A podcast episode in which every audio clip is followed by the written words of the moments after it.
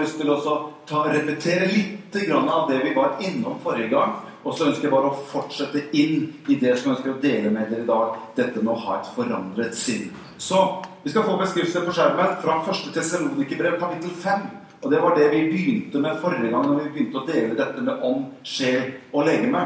For det er veldig viktig for deg og meg som er troende at vi har litt oversikt og litt innsikt i hvordan er det vi mennesker er satt sammen, og hvordan fungerer dette med Guds rike, gjenførelsen, Guds ord og disse tingene inn i vår verden sånn som vi er satt sammen. Det er viktig at vi har litt oversikt og litt innsikt i disse tingene.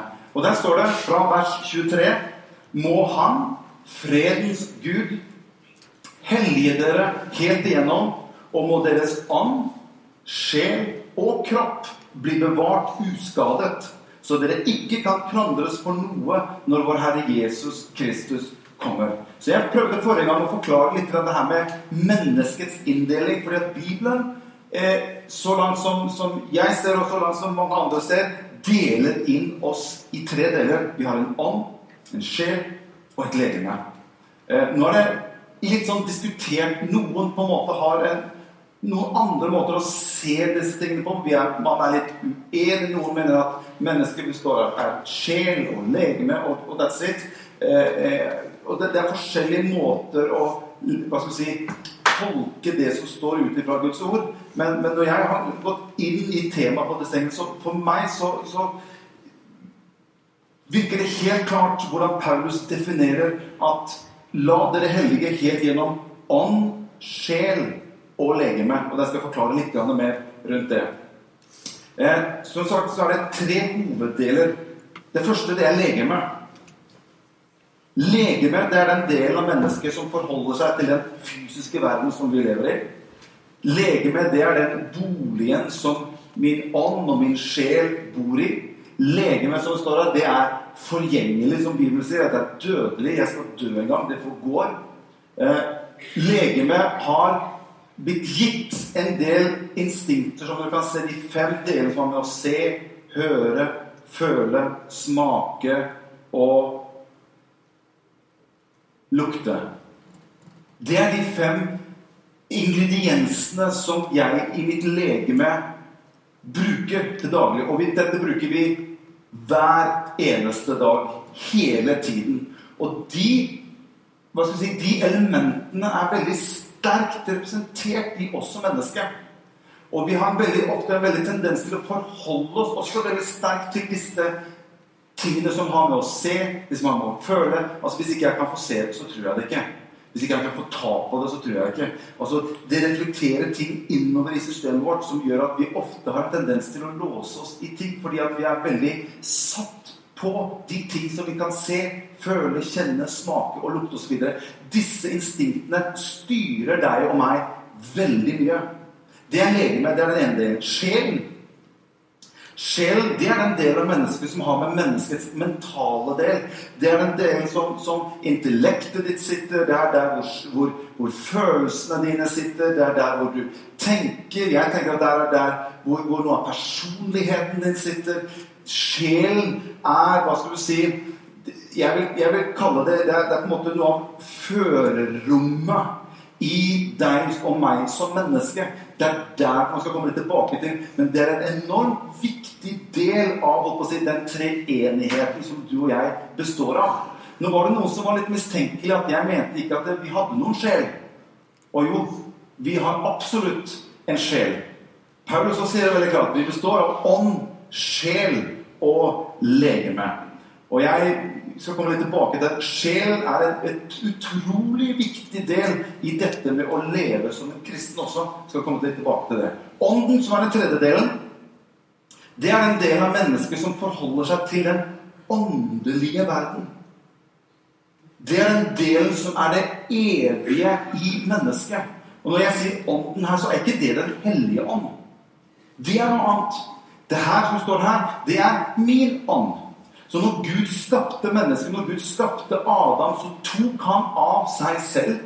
Og så blåste han det inn i Adam. Det han egentlig gjorde, det var at han satte evigheten inn i Adam, så blåste han egentlig Adam på plass. Ånden i meg, min ånd, ikke Den hellige ånd, men min ånd, det er det som jeg mener, det er meg. Det er Morten. Det er, det er min Det som Gud skapte som Morten, det er i min ånd. Det er menneskets ånd. Det er den som er evig. Det er den som er udødelig, og det er det egentlig jeg. Så jeg ser det slik at jeg er en ånd som har en sjel som bor i et legeme. Jeg er i utgangspunktet en ånd. Jeg er ikke i utgangspunktet et legeme. Selv om det er det vi og jeg, du og jeg kan se med våre fysiske øyne, så er ikke du og jeg først og fremst et legeme. Vi er en ånd. Og hvorfor sier jeg det sånn? Jo, fordi det er det Gud har skapt. Gud skapte først og fremst deg og meg, ikke for at vi skulle leve 70 år her nede på jorden. Men han skapte deg og meg fordi vi skulle leve evig sammen med ham. Og da skapte han noe som har av seg selv. Og hva er Gud for noe? Er han et legeme? Nei. Gud er en ånd. Så han tok av seg selv og skapte deg og meg sin evighet inn i oss, som har med deg og meg Det er det som skal være evig. Og det er den delen av deg og meg som kommuniserer med Guds rike. Mitt legeme, som du ser her, greier ikke å kommunisere med Guds rike. Det er ingen kontakt mellom min kropp, mellom det kjødelige meg og Guds rike. Derfor la han Guds sin ånd inni oss, som skulle være med å kommunisere med hans side, og være med å kommunisere utover i systemet til min sjel og til min kropp. Det er tre ting jeg bare har lyst til å dele helt fort før vi går videre. Det er tre ting i min ånd som det består av. Jeg tror jeg har skrevet det her oppe også. Jeg vet ikke om jeg har skrevet det, men det er i hvert fall tre ting. Samvittigheten ligger i min ånd. Gud har lagt en samvittighet ned i menneskets ånd. Eh, Paulus han sier det i Roma. Han sier Jeg taler sannhet i Kristus.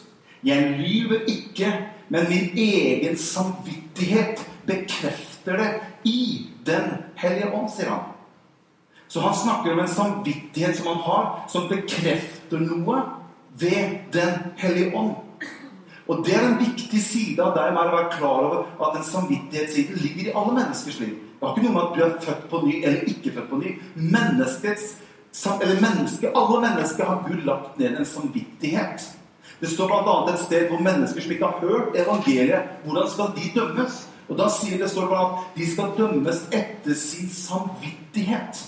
Det evige som Gud la ned i mennesket. De som aldri fikk høre, de hadde likevel en samvittighet lagt ned i seg selv. I sitt eget, i sitt egentlige jeg, som var med å kunne kjenne på om hva som var godt, hva som var riktig, og hva som var galt.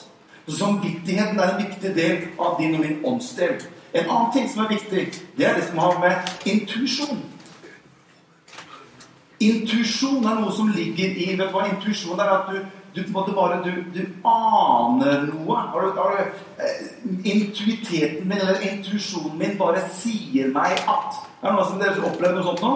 Du bare tenkte så, ja, vet du hva, jeg bare, jeg bare opplever at eh, det, det, det, der kommer til å skje. Jeg har en intuisjon om noe. Det er ut ifra din ånd. Eh, det står om Jesus det står, Har du, du tenkt det? Når, når han eh, når han skulle reise den mannen som lå på båren, så står det det står veldig artig så Straks visste Jesus, står det, i sin ånd at de tenkte slik. Det virker ikke som det var Den hellige ånd som på en måte hvisket det til Jesus at fariseerne tenkte slik de tenkte. Så straks han bare visste det. Det var en intuisjon i Jesus sin ånd som han Nå tenker de sånn. Og jeg tror at veldig mye av det vi ser på TV Nå er det veldig populært med alle disse herre Hva heter disse herre um, de, de, de, de som, som, som, skal prøve ting, og de som skal kjenne etter ting, og de skal være inne i hus og, og, og Åndenes makt. Veldig mye veldig mye av det som skjer i slike programmer, har med menneskets åndelige intuisjon å gjøre. Og jeg tror at den onde også kan være med på å påvirke menneskets intuisjon. til å oppleve ting, til å få visshet om ting, til å, selv, til å se ting og få åpenbaring om ting. Det, det, treng, det, det ligger på en måte i menneskets ånd. Menneskets ånd er egentlig utrolig komplisert. Det ligger noe i mennesket som, som, har noe i seg til å måte, fange opp signaler ifra den åndelige verden. Og det ligger i, ditt og, i din og min ånd. I, ikke Den hellige ånd, men i min ånd. Det tredje jeg vil bare si, det er kommunikasjon. Det er min ånd som har evnen til å kommunisere både med Gud, og det er min ånd som har evnen til å kommunisere ut inn i min sjel. Det står, om, det står om Jesus, den kvinnen som var ved brønnen, så sier Jesus at den timen er kommet nå da de sanne tilbedere skal tilbe ham i ånd og sannhet. Vi kommuniserer med Gud ut ifra vår ånd. Og så forklarte jeg dere forrige gang. Jeg tok opp tre stykker. Og så satte jeg En skulle være legeme, en skulle være sjel, og den andre skulle være eh, ånd. Og så viste jeg litt hvordan disse tingene her fungerer. Hvordan Guds ord som forkynnes, går inn igjennom vår hva skal vi si, vår legemlige vår, vår, mentale del, og så går det inn i vår sjel. Og hør Guds ånd som bor i meg når jeg tar imot Jesus og blir født på ny, så vil alltid Guds ånd, eller alltid min ånd må jeg prøve å få det på, på plass. Faderen hans sliter med Elisha og Lisa og de andre Eliasene. Så får jeg prøve å holde litt orden på det med, med min ånd og, og, og Den hellige ånd. Eh, min ånd, når den blir født på ny, så vil den alltid være enig i hva Guds ord sier. Paulus snakker om at mitt indre menneske har sin glede i Herrens lov. Mitt indre menneske, mitt indre ånd, det som er født på ny, når jeg leser Guds ord, eller jeg hører forkynnelse, og min ånd som er født på ny, hører det, så sier den ja og ammen til det. Selv om det går på kryss av og imot de ting som jeg kanskje erfarer i min sjel og i mitt legeme, så vil alltid min gjenfødte ånd den vil alltid si et ja og et ammen til hva Guds ord sier, og til hva Den hellige ånd sier. Så min oppgave oppgave som mennesker kan komme litt tilbake til etterpå, er også Det blir på en måte å få den enigheten Begynn å få den presset seg inn i mitt sjelsliv, slik at min sjel også begynner å ta tak i disse tingene og jobbe med det i mine følelser, i mine tanker, i mine, min vilje, i mine, mine altså min måte å tenke på, slik at det som Guds ånd står for, det som er sannheten i Guds rike, begynner å gjøre seg gjeldende utover i min sjel og ut i mitt legeme. Får dere med dere? Håper å si, Er dette gresk? Det er ikke det. Det går bra. Dere skjønner litt hvor jeg, hvor jeg vil hen? Det blir litt, sånn, blir litt undervisning her i formiddag. Er det greit? Litt sånn undervisning her i formiddag. Så dette med kommunikasjon er også en veldig viktig del. Så jeg har snakket om samvittighet, intuisjon og kommunikasjon, som er en del av den gjenfødte ånd. Det står et fantastisk vers jeg vet ikke om jeg fikk det med meg, men det står et fantastisk vers i Romerne 8, 16. Det står da at ånden selv vitner sammen med min ånd at jeg er et Guds barn. Altså Den hellige ånd vitner vitner sammen, snakker sammen, kommuniserer med min sjel. Er det det står? Nei. Det står 'med min ånd'. At jeg er Guds barn. Og det er min gjenfødte ånd som kommuniserer dette utover i min sjel og til min kropp. Det er oppgaven til min gjenfødte ånd. Amen. Jeg er en ånd som har en sjel, og som bor i et legeme. Jeg har, veldig mye jeg kunne tenke meg å komme inn på dette her. Oi, det er veldig spennende. Det er veldig spennende. Jeg gikk ut av kontoret i går og satt der og, og leste, og så bare ja, Nå må jeg romme, nå må jeg romme litt. Her, her er det områder.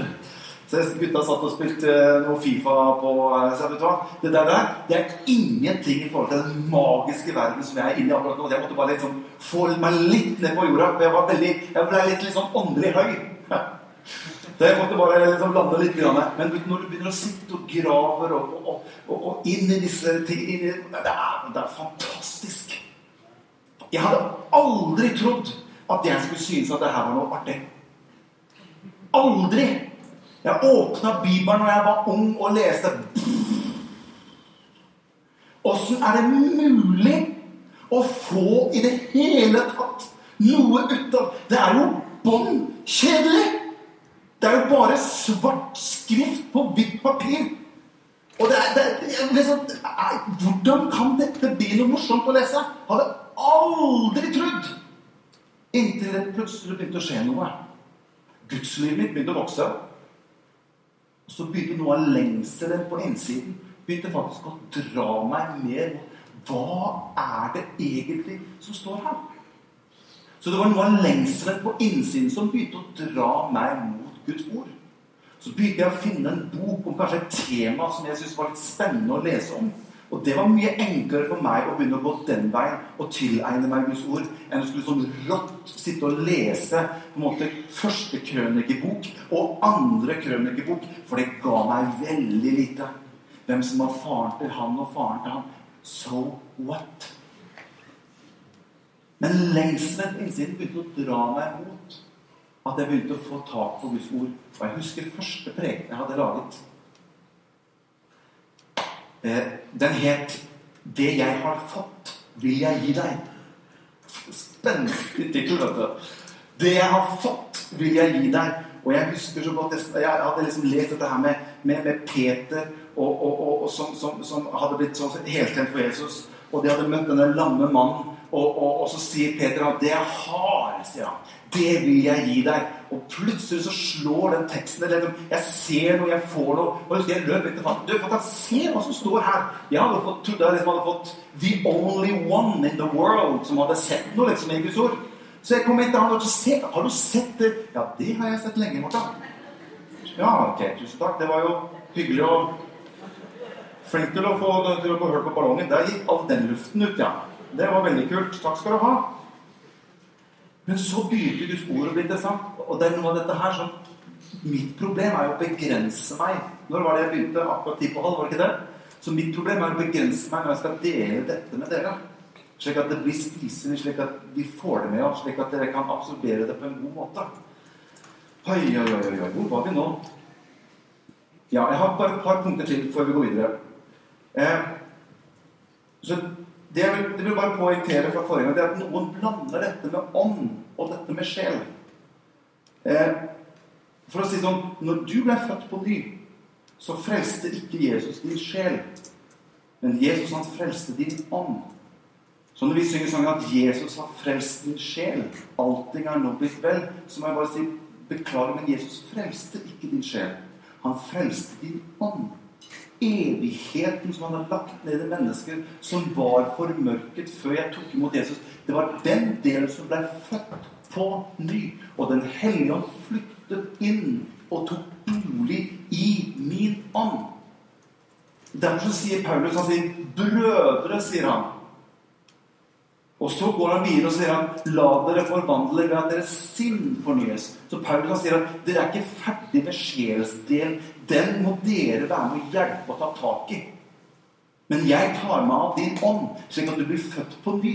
Og slik at ikke vi skal gå rundt og være usikre på er jeg et Guds barn eller er jeg ikke et Guds barn. Den delen den har Gud sørget for. Og hør Og takk og lov for det. Derfor sier Paulus jeg vet på hvem jeg tror.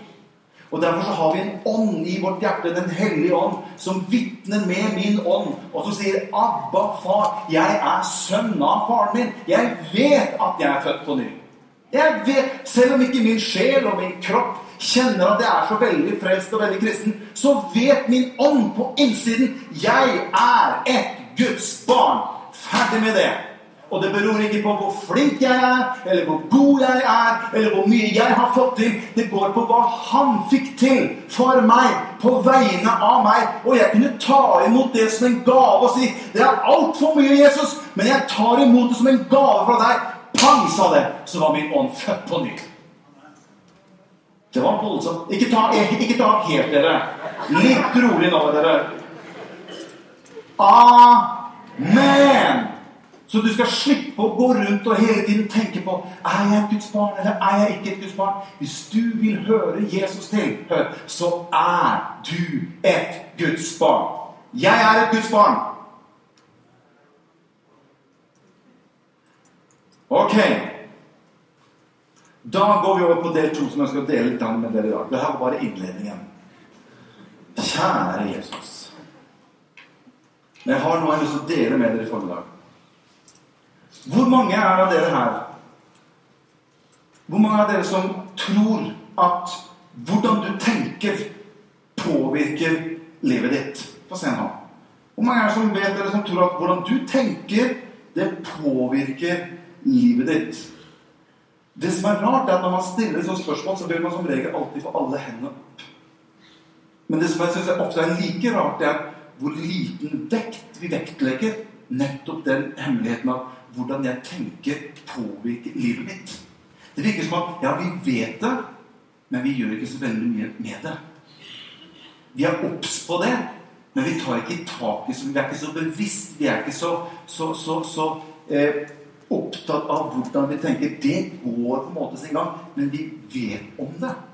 Og det er noe av den tingen der som jeg ønsker bare å være med og, poengtere litt for deg i dag. Og jeg kommer til å være, til å være litt direkte. Jeg kommer til å være utfordrende med deg. Jeg kommer til å, å, å Kanskje noen blir syns at jeg er for hard eller for streng, men det ønsket mitt er å på en måte provosere noe fram hos deg som gjør at du og jeg sammen vi kan begynne å sette noen nye standarder, ta tak i noe hos oss sjøl for å løfte oss litt høyere opp i det Gud har kalt deg og meg til. Vi trenger ikke å gå på status quo år ut og år inn. Når Bibelen sier at du kan bli forandret ved at sinnet ditt fornyes, så er det noe i Guds rike, det er noe i Guds ord, som er tilgjengelig for deg og meg som en troende, for at ting kan forandres rundt deg og meg. Amen. Så hør. Jeg har skrevet her sinnet er uhyre viktig. Ditt og mitt sinn er selve slagmarken hvor kampen du og jeg står i hver eneste dag, befinner seg i. Sinnet er slagmarken som du og jeg kjemper våre kamper hver eneste dag i livet vårt. Så klart at sinnet ditt og mitt er viktig. Og hør, vi har alle våre kamper å kjempe på denne slagmarken. Tro ikke at det er noen som går fri, og som aldri opplever at det er noen ting som er vanskelig, eller noen ting som er utfordrende. Vi alle har våre kamper som vi kjemper på denne slagmarken, som kalles for sinnets slagmark. Og når jeg sier slagmark, så er det like mye en slagmark hvor vi kjemper gjennom det som har med Guds rike å gjøre. Men det er bare en definisjon. For som jeg sa i stad, jeg tror at sjelen og sinnet og tankene dine og mine, det er på en måte roret i ditt og mitt liv, i ditt og mitt gudsliv. Og det er viktig at du og jeg er obs på hvordan disse tingene her fungerer. For alle dere var enige om at hvordan vi tenker, det påvirker livet vårt. Ja, men hvor obs er vi på hvordan vi tenker? Hvor, hvor, hvor, hvor, ofte tar vi i oss oss i oss selv med tanke på hva vi sier, og hva vi lar komme ut av munnen vår i forskjellige situasjoner? Hvor, nøye er vi på det? Og det er der jeg ofte opplever at det er en litt sånn forskjell på at vi vet om det, men vi er ikke så nøye med det. Og så går tingene sin gang år etter år. Se hva Paulus skriver i Romerne kapittel 7, 25. Han sier til meg at 'jeg tjener Guds lov med mitt sinn'. Sinnet er stedet jeg tjener Gud ut ifra. Og jeg skrev at Min største fiende er ikke den onde, men min største fiende er kampen jeg står i i mitt eget sinn og i min egne tanker, på min egen slagmark, i min sjel. Det er den største utfordringen du og jeg som troende har i livet vårt. Det er sjelens kamp som du og jeg står i. Vi har alle kamper å kjempe på slagmarken. Og jeg har skrevet at I kristen sammenheng så har vi kanskje vært mer opptatt av den ytre delen av mennesket mange ganger. Vi har vært opptatt av at vi skal lære oss å gå vi skal kle oss hellig, vi skal, vi skal gå hellig, vi skal, vi skal, vi skal oppføre oss eh, hellig. Og og, de ytre tingene var ofte nesten mer fokusert på enn det de indre. Og det virker nesten som til slutt så var containeren den var penere på utsiden enn selve innholdet inni. Men vi kan ikke bare være opptatt av det som er på yttersiden, når det er det som er på innersiden, som virkelig påvirker, og som virkelig affekterer selve livet vårt. Hvordan vi lever, og hvordan vi erfarer livet vårt. Jeg tjener Gud ifra mitt sinn. En annen ting er at vi ofte har unnskyldninger for hvordan vi er i livet, og hvordan vi oppfører oss i livet. Og vi har utrolig lett for å finne utenforliggende årsaker som unnskylder oss for den tilstand vi befinner oss i nå. Ja, men du skjønner at jeg, jeg vokste opp i en familie som var sånn. Ja, men du skjønner at jeg, Hadde jeg bare fått anledning til Du forstår at det, det, det har ikke vært lett og sånn. Og du forstår at, og så har vi alltid en slags form for unnskyldning, en slags form for årsak til hvorfor tingenes tilstand er slik det er. Og hør, det kan godt være sant, men hvis ditt og mitt tankemønster befinner seg der år etter år, så vil ikke du få oppleve noen forandring i livet ditt. Det vil bare gå på samme status quo hele tiden. Men Gud har noe annet, og Gud har noe bedre og mer for deg enn meg. Jeg hørte om et tvillingpar som vokste opp hos en alkoholisert far. Og når de vokste opp, dette tvillingparet, når de vokste opp og ble voksen, så ble den ene han ble en alkoholiker, og den andre ble ikke en alkoholiker. Og de spurte disse to, de spurte han som ble alkoholiker, spurte han, 'Hvorfor ble du en alkoholiker?' Og så han sa, 'Jeg vokste opp hos en far som var alkoholiker.' Og det gjorde at jeg også ble en alkoholiker spurte de den andre tvillingbroren Hvorfor ble ikke du alkoholiker? Så sier han jo, fordi jeg vokste opp med en far som var alkoholiker. Samme svar. Men de to hadde satt sinnet sitt på helt andre ting. Som resulterte i et helt annet liv. Se hvor viktig det er hvordan du og jeg tenker i sinnet vårt. Og Det er noe av dette som jeg ønsker at vi skal få tak i. I Romerne kapittel 8 vers 5 der står det For de som lever etter kjødet, retter sinnet mot det som hører kjødet til. Men de som lever etter ånden, retter sinnet mot det som hører ånden til. For kjødets sinnelag er død, men åndens sinnelag er liv og fred. Hvor mange er det som vil ha liv og fred? Få se en hånd. Bra. Ja, vi er alle enige i det. Takk og lov. Saken er hva gjør vi med det? Og hvordan gjør vi disse tingene slik at vi kan få lov til å oppleve en forandring i livet vårt? Ja, men du skjønner, jeg kan ikke noe for det. Jeg er bare slik. Det bare skjer automatisk. Jeg greier ikke å stå imot de kakene når jeg kommer i selskap. De står jo der, og de er jo så lekre. Jeg greier ikke å stå imot de, jeg. Jeg må jo bare smake. Det var som liksom, Hvis ikke du greier å stå imot en fristelse av en kake, så skal du da stå imot den onde hvis han begynner å, å komme og friste. Det har litt med hva vi setter vårt sinn Nå tok jeg bare kaken som et eksempel. Det har noe med hvordan vi setter vårt sinn inn imot. Og det er dette jeg ønsker å fremprovosere. Det må godt hende at du kan bli litt sinna på meg, men det er helt i orden. Bli bare litt sinna på Morten i dag. Men jeg tror jeg kan være med å røre borti noe som gjelder oss alle sammen. For vi har alle våre ting som vi er nødt til å kjempe med. Vet du hva, jeg vet, jeg treffer mennesker De har ikke så veldig lyst til å bli frisk. Jeg har vært med mennesker i forbønnskøen som har stått og bedt for og sier hva, det, hva, hva, vil du at du skal be for? Jeg vil at du skal be for det og det. Men, men, men, men ikke, jeg må ikke bli frisk enda. Fordi at jeg, jeg, jeg får sykepenger til, til, uka. Så tenker jeg hva, hva er mentaliteten din? Hvis du ønsker å gå rundt og være syk og ha det litt sånn og noen mennesker opplever at man får kanskje litt oppmerksomhet, litt, man får litt sånn medfølelse på ting. Ja, men Jeg ønsker jo ikke å gå rundt og være syk. Men det har jo med hvordan jeg bruker mitt sinn og mine tanker. Hva er det jeg ønsker ut av livet? Andre Timoteus, kapittel 1 vers 7. For Gud har ikke gitt oss motløshetens ånd, Dette verset har vi hørt før et par ganger. Men kraftens og kjærlighetens og sindighetens ånd, står det. Vet du hva som står på grunnteksten på sindighetens ånd? Det står det 'et sunt sinn'. står det. Gud har ikke gitt oss motløshetens ånd, men kraftens, kjærlighetens og et sunt sinn. Gud ønsker at du og jeg skal ha et sunt sinn.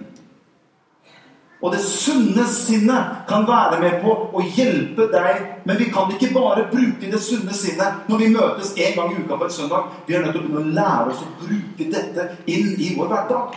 Når mandag og tirsdag og disse Det er jo da vi trenger det. Her er det jo lett å være kristen. Her er det jo lett å prise Gud. Her er det jo lett å utøve det som har med Guds rike å gjøre. Men det er jo når mandagen kommer, det er jo da den onde står og venter på meg. Og sånn er det veldig ofte med meg. Hvis jeg har vært og prekt en søndag, vært oppe opplevd Guds kraft og Guds herlighet i kirken, så vet jeg litt av erfaring at han er ikke så veldig opptatt med at jeg er her på søndag. Han venter på meg på mandag. Det er da han vet at slagmarken er i gang igjen. Og jeg må begynne å lære disse tingene å kjenne sjøl. Og vite at nå kommer det en kamp snart. Og Hvis ikke jeg er obs på disse tingene, så har den onde mye lettere for å holde sitt grep rundt meg. Jeg er bare sånn. Det, det, det, skjer bare. Jeg kan ikke befolke det. Det skjer gang på gang. Og så videre og så videre. Hvis ikke du og jeg er obs på disse tingene her. Det står et fantastisk vers i Kolosserbrev kapittel 3. Jeg er snart ferdig. Kolosserbrev kapittel 3 og vers 1. Der står det veldig bra. Der står det Er du oppreist med Kristus? Er det noen som oppreist med Kristus her? Så står det Så søk de ting som er der oppe. Der Kristus sitter ved Guds høyre hånd, så står det 'Rett ditt sinn mot de ting som er der oppe'. Ikke mot de ting som er her på jorden. Jeg liker den besluttsomheten der. Det er litt sånn derre Rett ditt sinn mot de ting som er der oppe.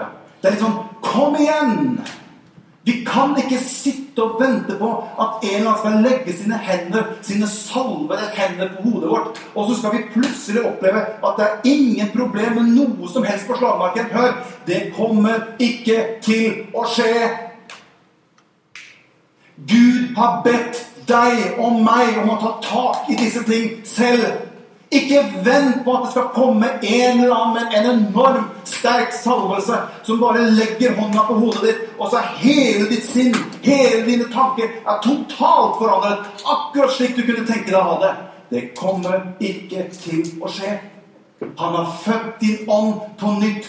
Ditt og mitt tankeliv, ditt og mitt sinn, er noe han ønsker at du og jeg skal ta tak i selv. Han er med deg, men du og jeg, vi må gjøre det selv. Det er derfor det står 'rett ditt sinn'. Du må rette ditt sinn mot de ting som er der oppe. Og hvorfor tror du vi har fått denne her, iPaden her? Hvorfor tror du vi har fått Guds ord? Jo, nettopp for at vi skal ha en hjelp til å begynne å rette sinnet mot andre ting som kan være med å hjelpe oss ut og opp og ut i frihet. Amen.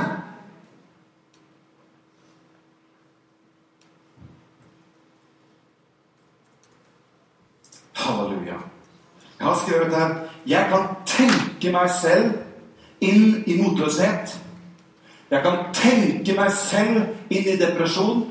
Jeg kan tenke meg selv inn i frykt. Jeg kan tenke meg selv inn i angst og fortvilelse hvis jeg tar tak i de tankene som hele tiden kommer, og den onde han vil bare spe på meg med. Det kommer ikke til å mangle på en eneste tanke for deg det sin. Han bare legger tjukt på, og du og jeg, vi tar det inn. Og så begynner vi å tenke i den veien hele tiden. Og det går, og det går, og jeg tenker meg inn i motløshet.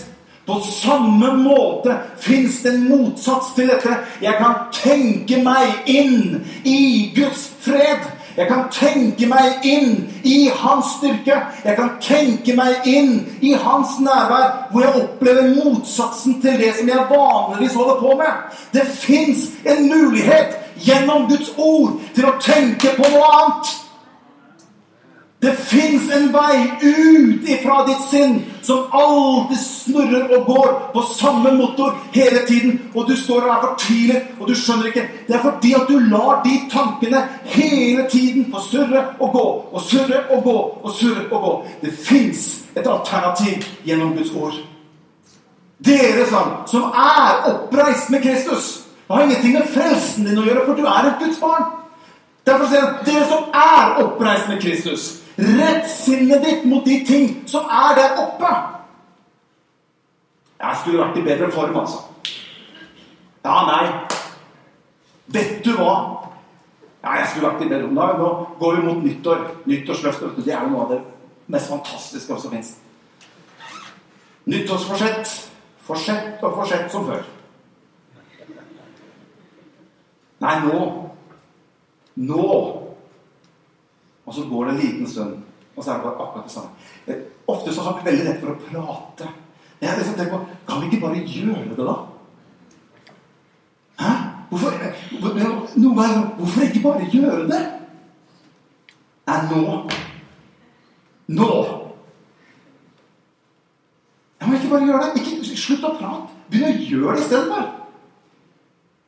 Dere, dere, dere, skjønner hvor jeg vil hen? ikke sant? Ja, er bare sånn språkprovosere. Bare sånn, du, litt bortover. ikke sant? Det er bare sånn for å, å, å, å Ja, dere skjønner hva jeg Helt til slutt så har jeg lyst til å vise dere noe som jeg så her i, i, i Guds ord.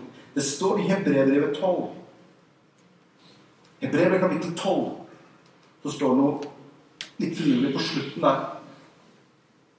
Der står det Se til at ingen driver hor og lever ugudelig som Esau. Han som solgte førstefødselsretten sin for et eneste måltid mat. Dere vet jo at han senere ble avvist da han ønsket å få velsignelsen. Det var ikke mulig å vende om, enda han ba med tårer. Et finurlig vers Esau, som var en som holdt ut holdt ut i skogen og drev og jakta, og kommer hjem etter en lang jakt, og han var sulten. Og Jakob, som var tvillingbroren hans, men som var egentlig den som kom etter ham, så egentlig var Esau den som rettmessig hadde krav på velsignelsen fra Isak. Det var han som hadde tilgang til å få oppleve Guds velsignelse som førstefødte i livet sitt. Og så kommer Esau hjem. Og så er han sulten. Og Jakob hadde drevet og lagd litt mat. Og Jakob og Esau er såpass sulten at Jakob Jeg vil ikke si at Jakob lurte Esau. Men, men Esau er sulten, så sier Jakob at du kan gi fra deg velsignelsen av fødselsretten din som førstefødt til meg. Og så får du en suppe av meg i bytte. Er, det, er ikke det noe med en fair bytte? Og Esau gjør det. Jeg mener, jeg, jeg ikke Jakob, kan, kan ikke si at Jakob lurte ham. Men hvis du hadde kommet til meg med en Ferrari bil, og så, hadde jeg sett på bilen din og hadde syntes den så veldig fin ut, og så sa jeg vet du hva, kan ikke du få klokka mi av? Og så får jeg Ferrarien din. Men hvis du hadde gjort det, så Da er du dum, da.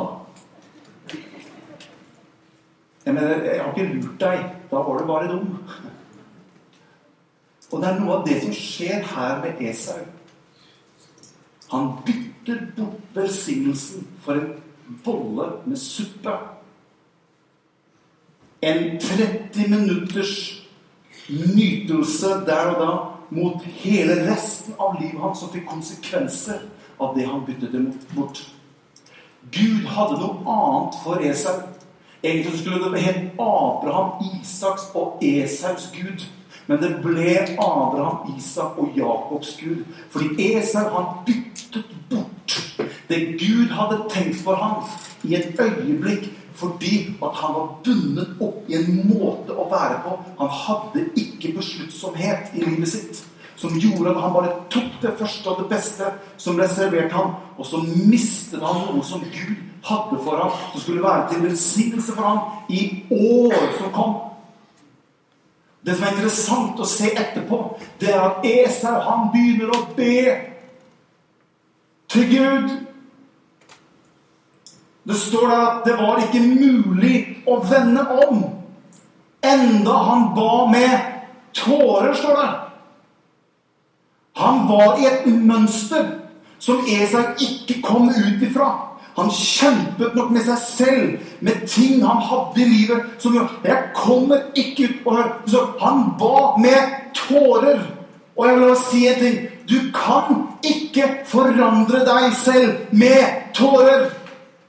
Om du aldri så mye ber med tårer Tårer vil ikke Jeg har vært mye ute og reist. Og sett, jeg, har vært, jeg har vært med svigerfar i, i Øst-Europa og en del steder. Og der er det veldig sånn Veldig mye gråt. Og man ber, og man gråter, og man gråter. Og hør, tårer i seg selv er ingen indikasjon på noe som helst som har med forandring å gjøre. Det er det her Esau gjør. Han ber, og han gråter. Men det står at det var ikke mulig å vende om. Fordi at det å vende om, som er et gresk ord som heter metanoia, vet du hva det betyr? Det betyr å gjøre en helomvending i forhold til status. Det har noe med å snu seg i forhold til hvordan man tenker. Det er å vende om. Ikke gråt. Men han var bundet i mønsteret sitt og mistet hele velsignelsen sin Jeg husker gutta når de var mindre. Da har du sett, små barn når de gråter og lyver samtidig. 'Jeg var ikke der!' Det bare lyser løgn ut av ditt utro Nå har jeg en på første rad. Han kjenner seg sikkert ikke igjen. 'Jeg har ikke gjort det!'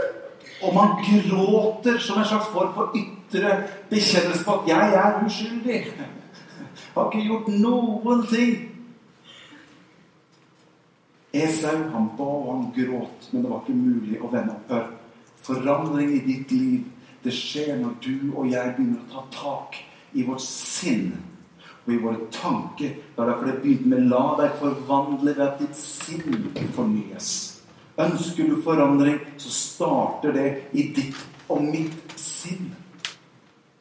Hvis du og jeg fyller oss med noen Guds ord en søndag innimellom og that's it. Tro aldri at du får himmelske resultater av å fylle deg med litt grann sånn noen Guds ord som du leser på tavla her noen ganger innimellom. Det vil ikke skje.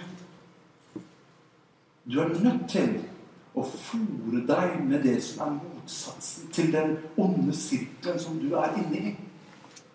Det er den som skal begynne å jobbe inni din ånd og begynne å jobbe inn i din sjel, slik at det begynner å få resultater ut. Og du kan komme til du begynner å greie å vende om. Så når den slagmarken, når de hatt utfordring med tidligere, begynner å komme din vei igjen, plutselig så kan du begynne å møte det med noe helt annet. For at noe har begynt å skje her oppe i ditt sinn og dine tanker. Halleluja. Og Den hellige ånd, han er med og hjelper deg. Han er med og bidrar. Men ikke tro på en sånn quick fix-løsning med at noen bare skal legge hendene på oss, og så skal alt løse seg. Vi har hatt mye av det. Problemet er at de samme mennesker kommer fram til forbønn om igjen og om igjen og om igjen. Og det blir ingen forandring. For at man ikke setter sitt sinn og bestemmer seg for at nå ønsker jeg at Guds ord skal være mer retningsgivende i mitt liv. Jeg ønsker å vite hva Guds ord sier om ting og tang. Jeg ønsker å sette mitt sinn og mine tanker på hva Gud ønsker, og hva Han mener inn i situasjoner. Halleluja. Får dere noe ut av det? Amen.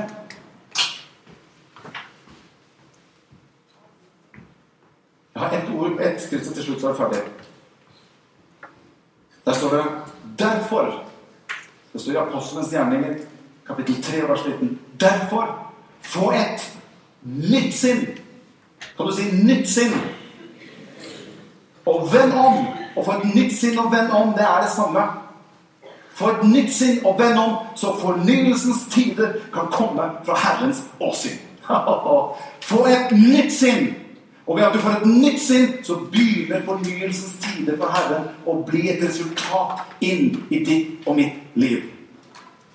Amen. Elin, kom og så synger litt. Anna. I feel like praising the Lord. Det har vært en fantastisk stepp nærvær i dag i lovsangen. Veldig veldig bra. Dere som er sanger og musikere, kom opp, og så synger vi, synger vi til slutt. Takk for at dere ville høre på meg så lenge. Det er lenge siden jeg har holdt på så lenge som deg. Jeg lovte meg selv at jeg skulle aldri bli en lang predikant.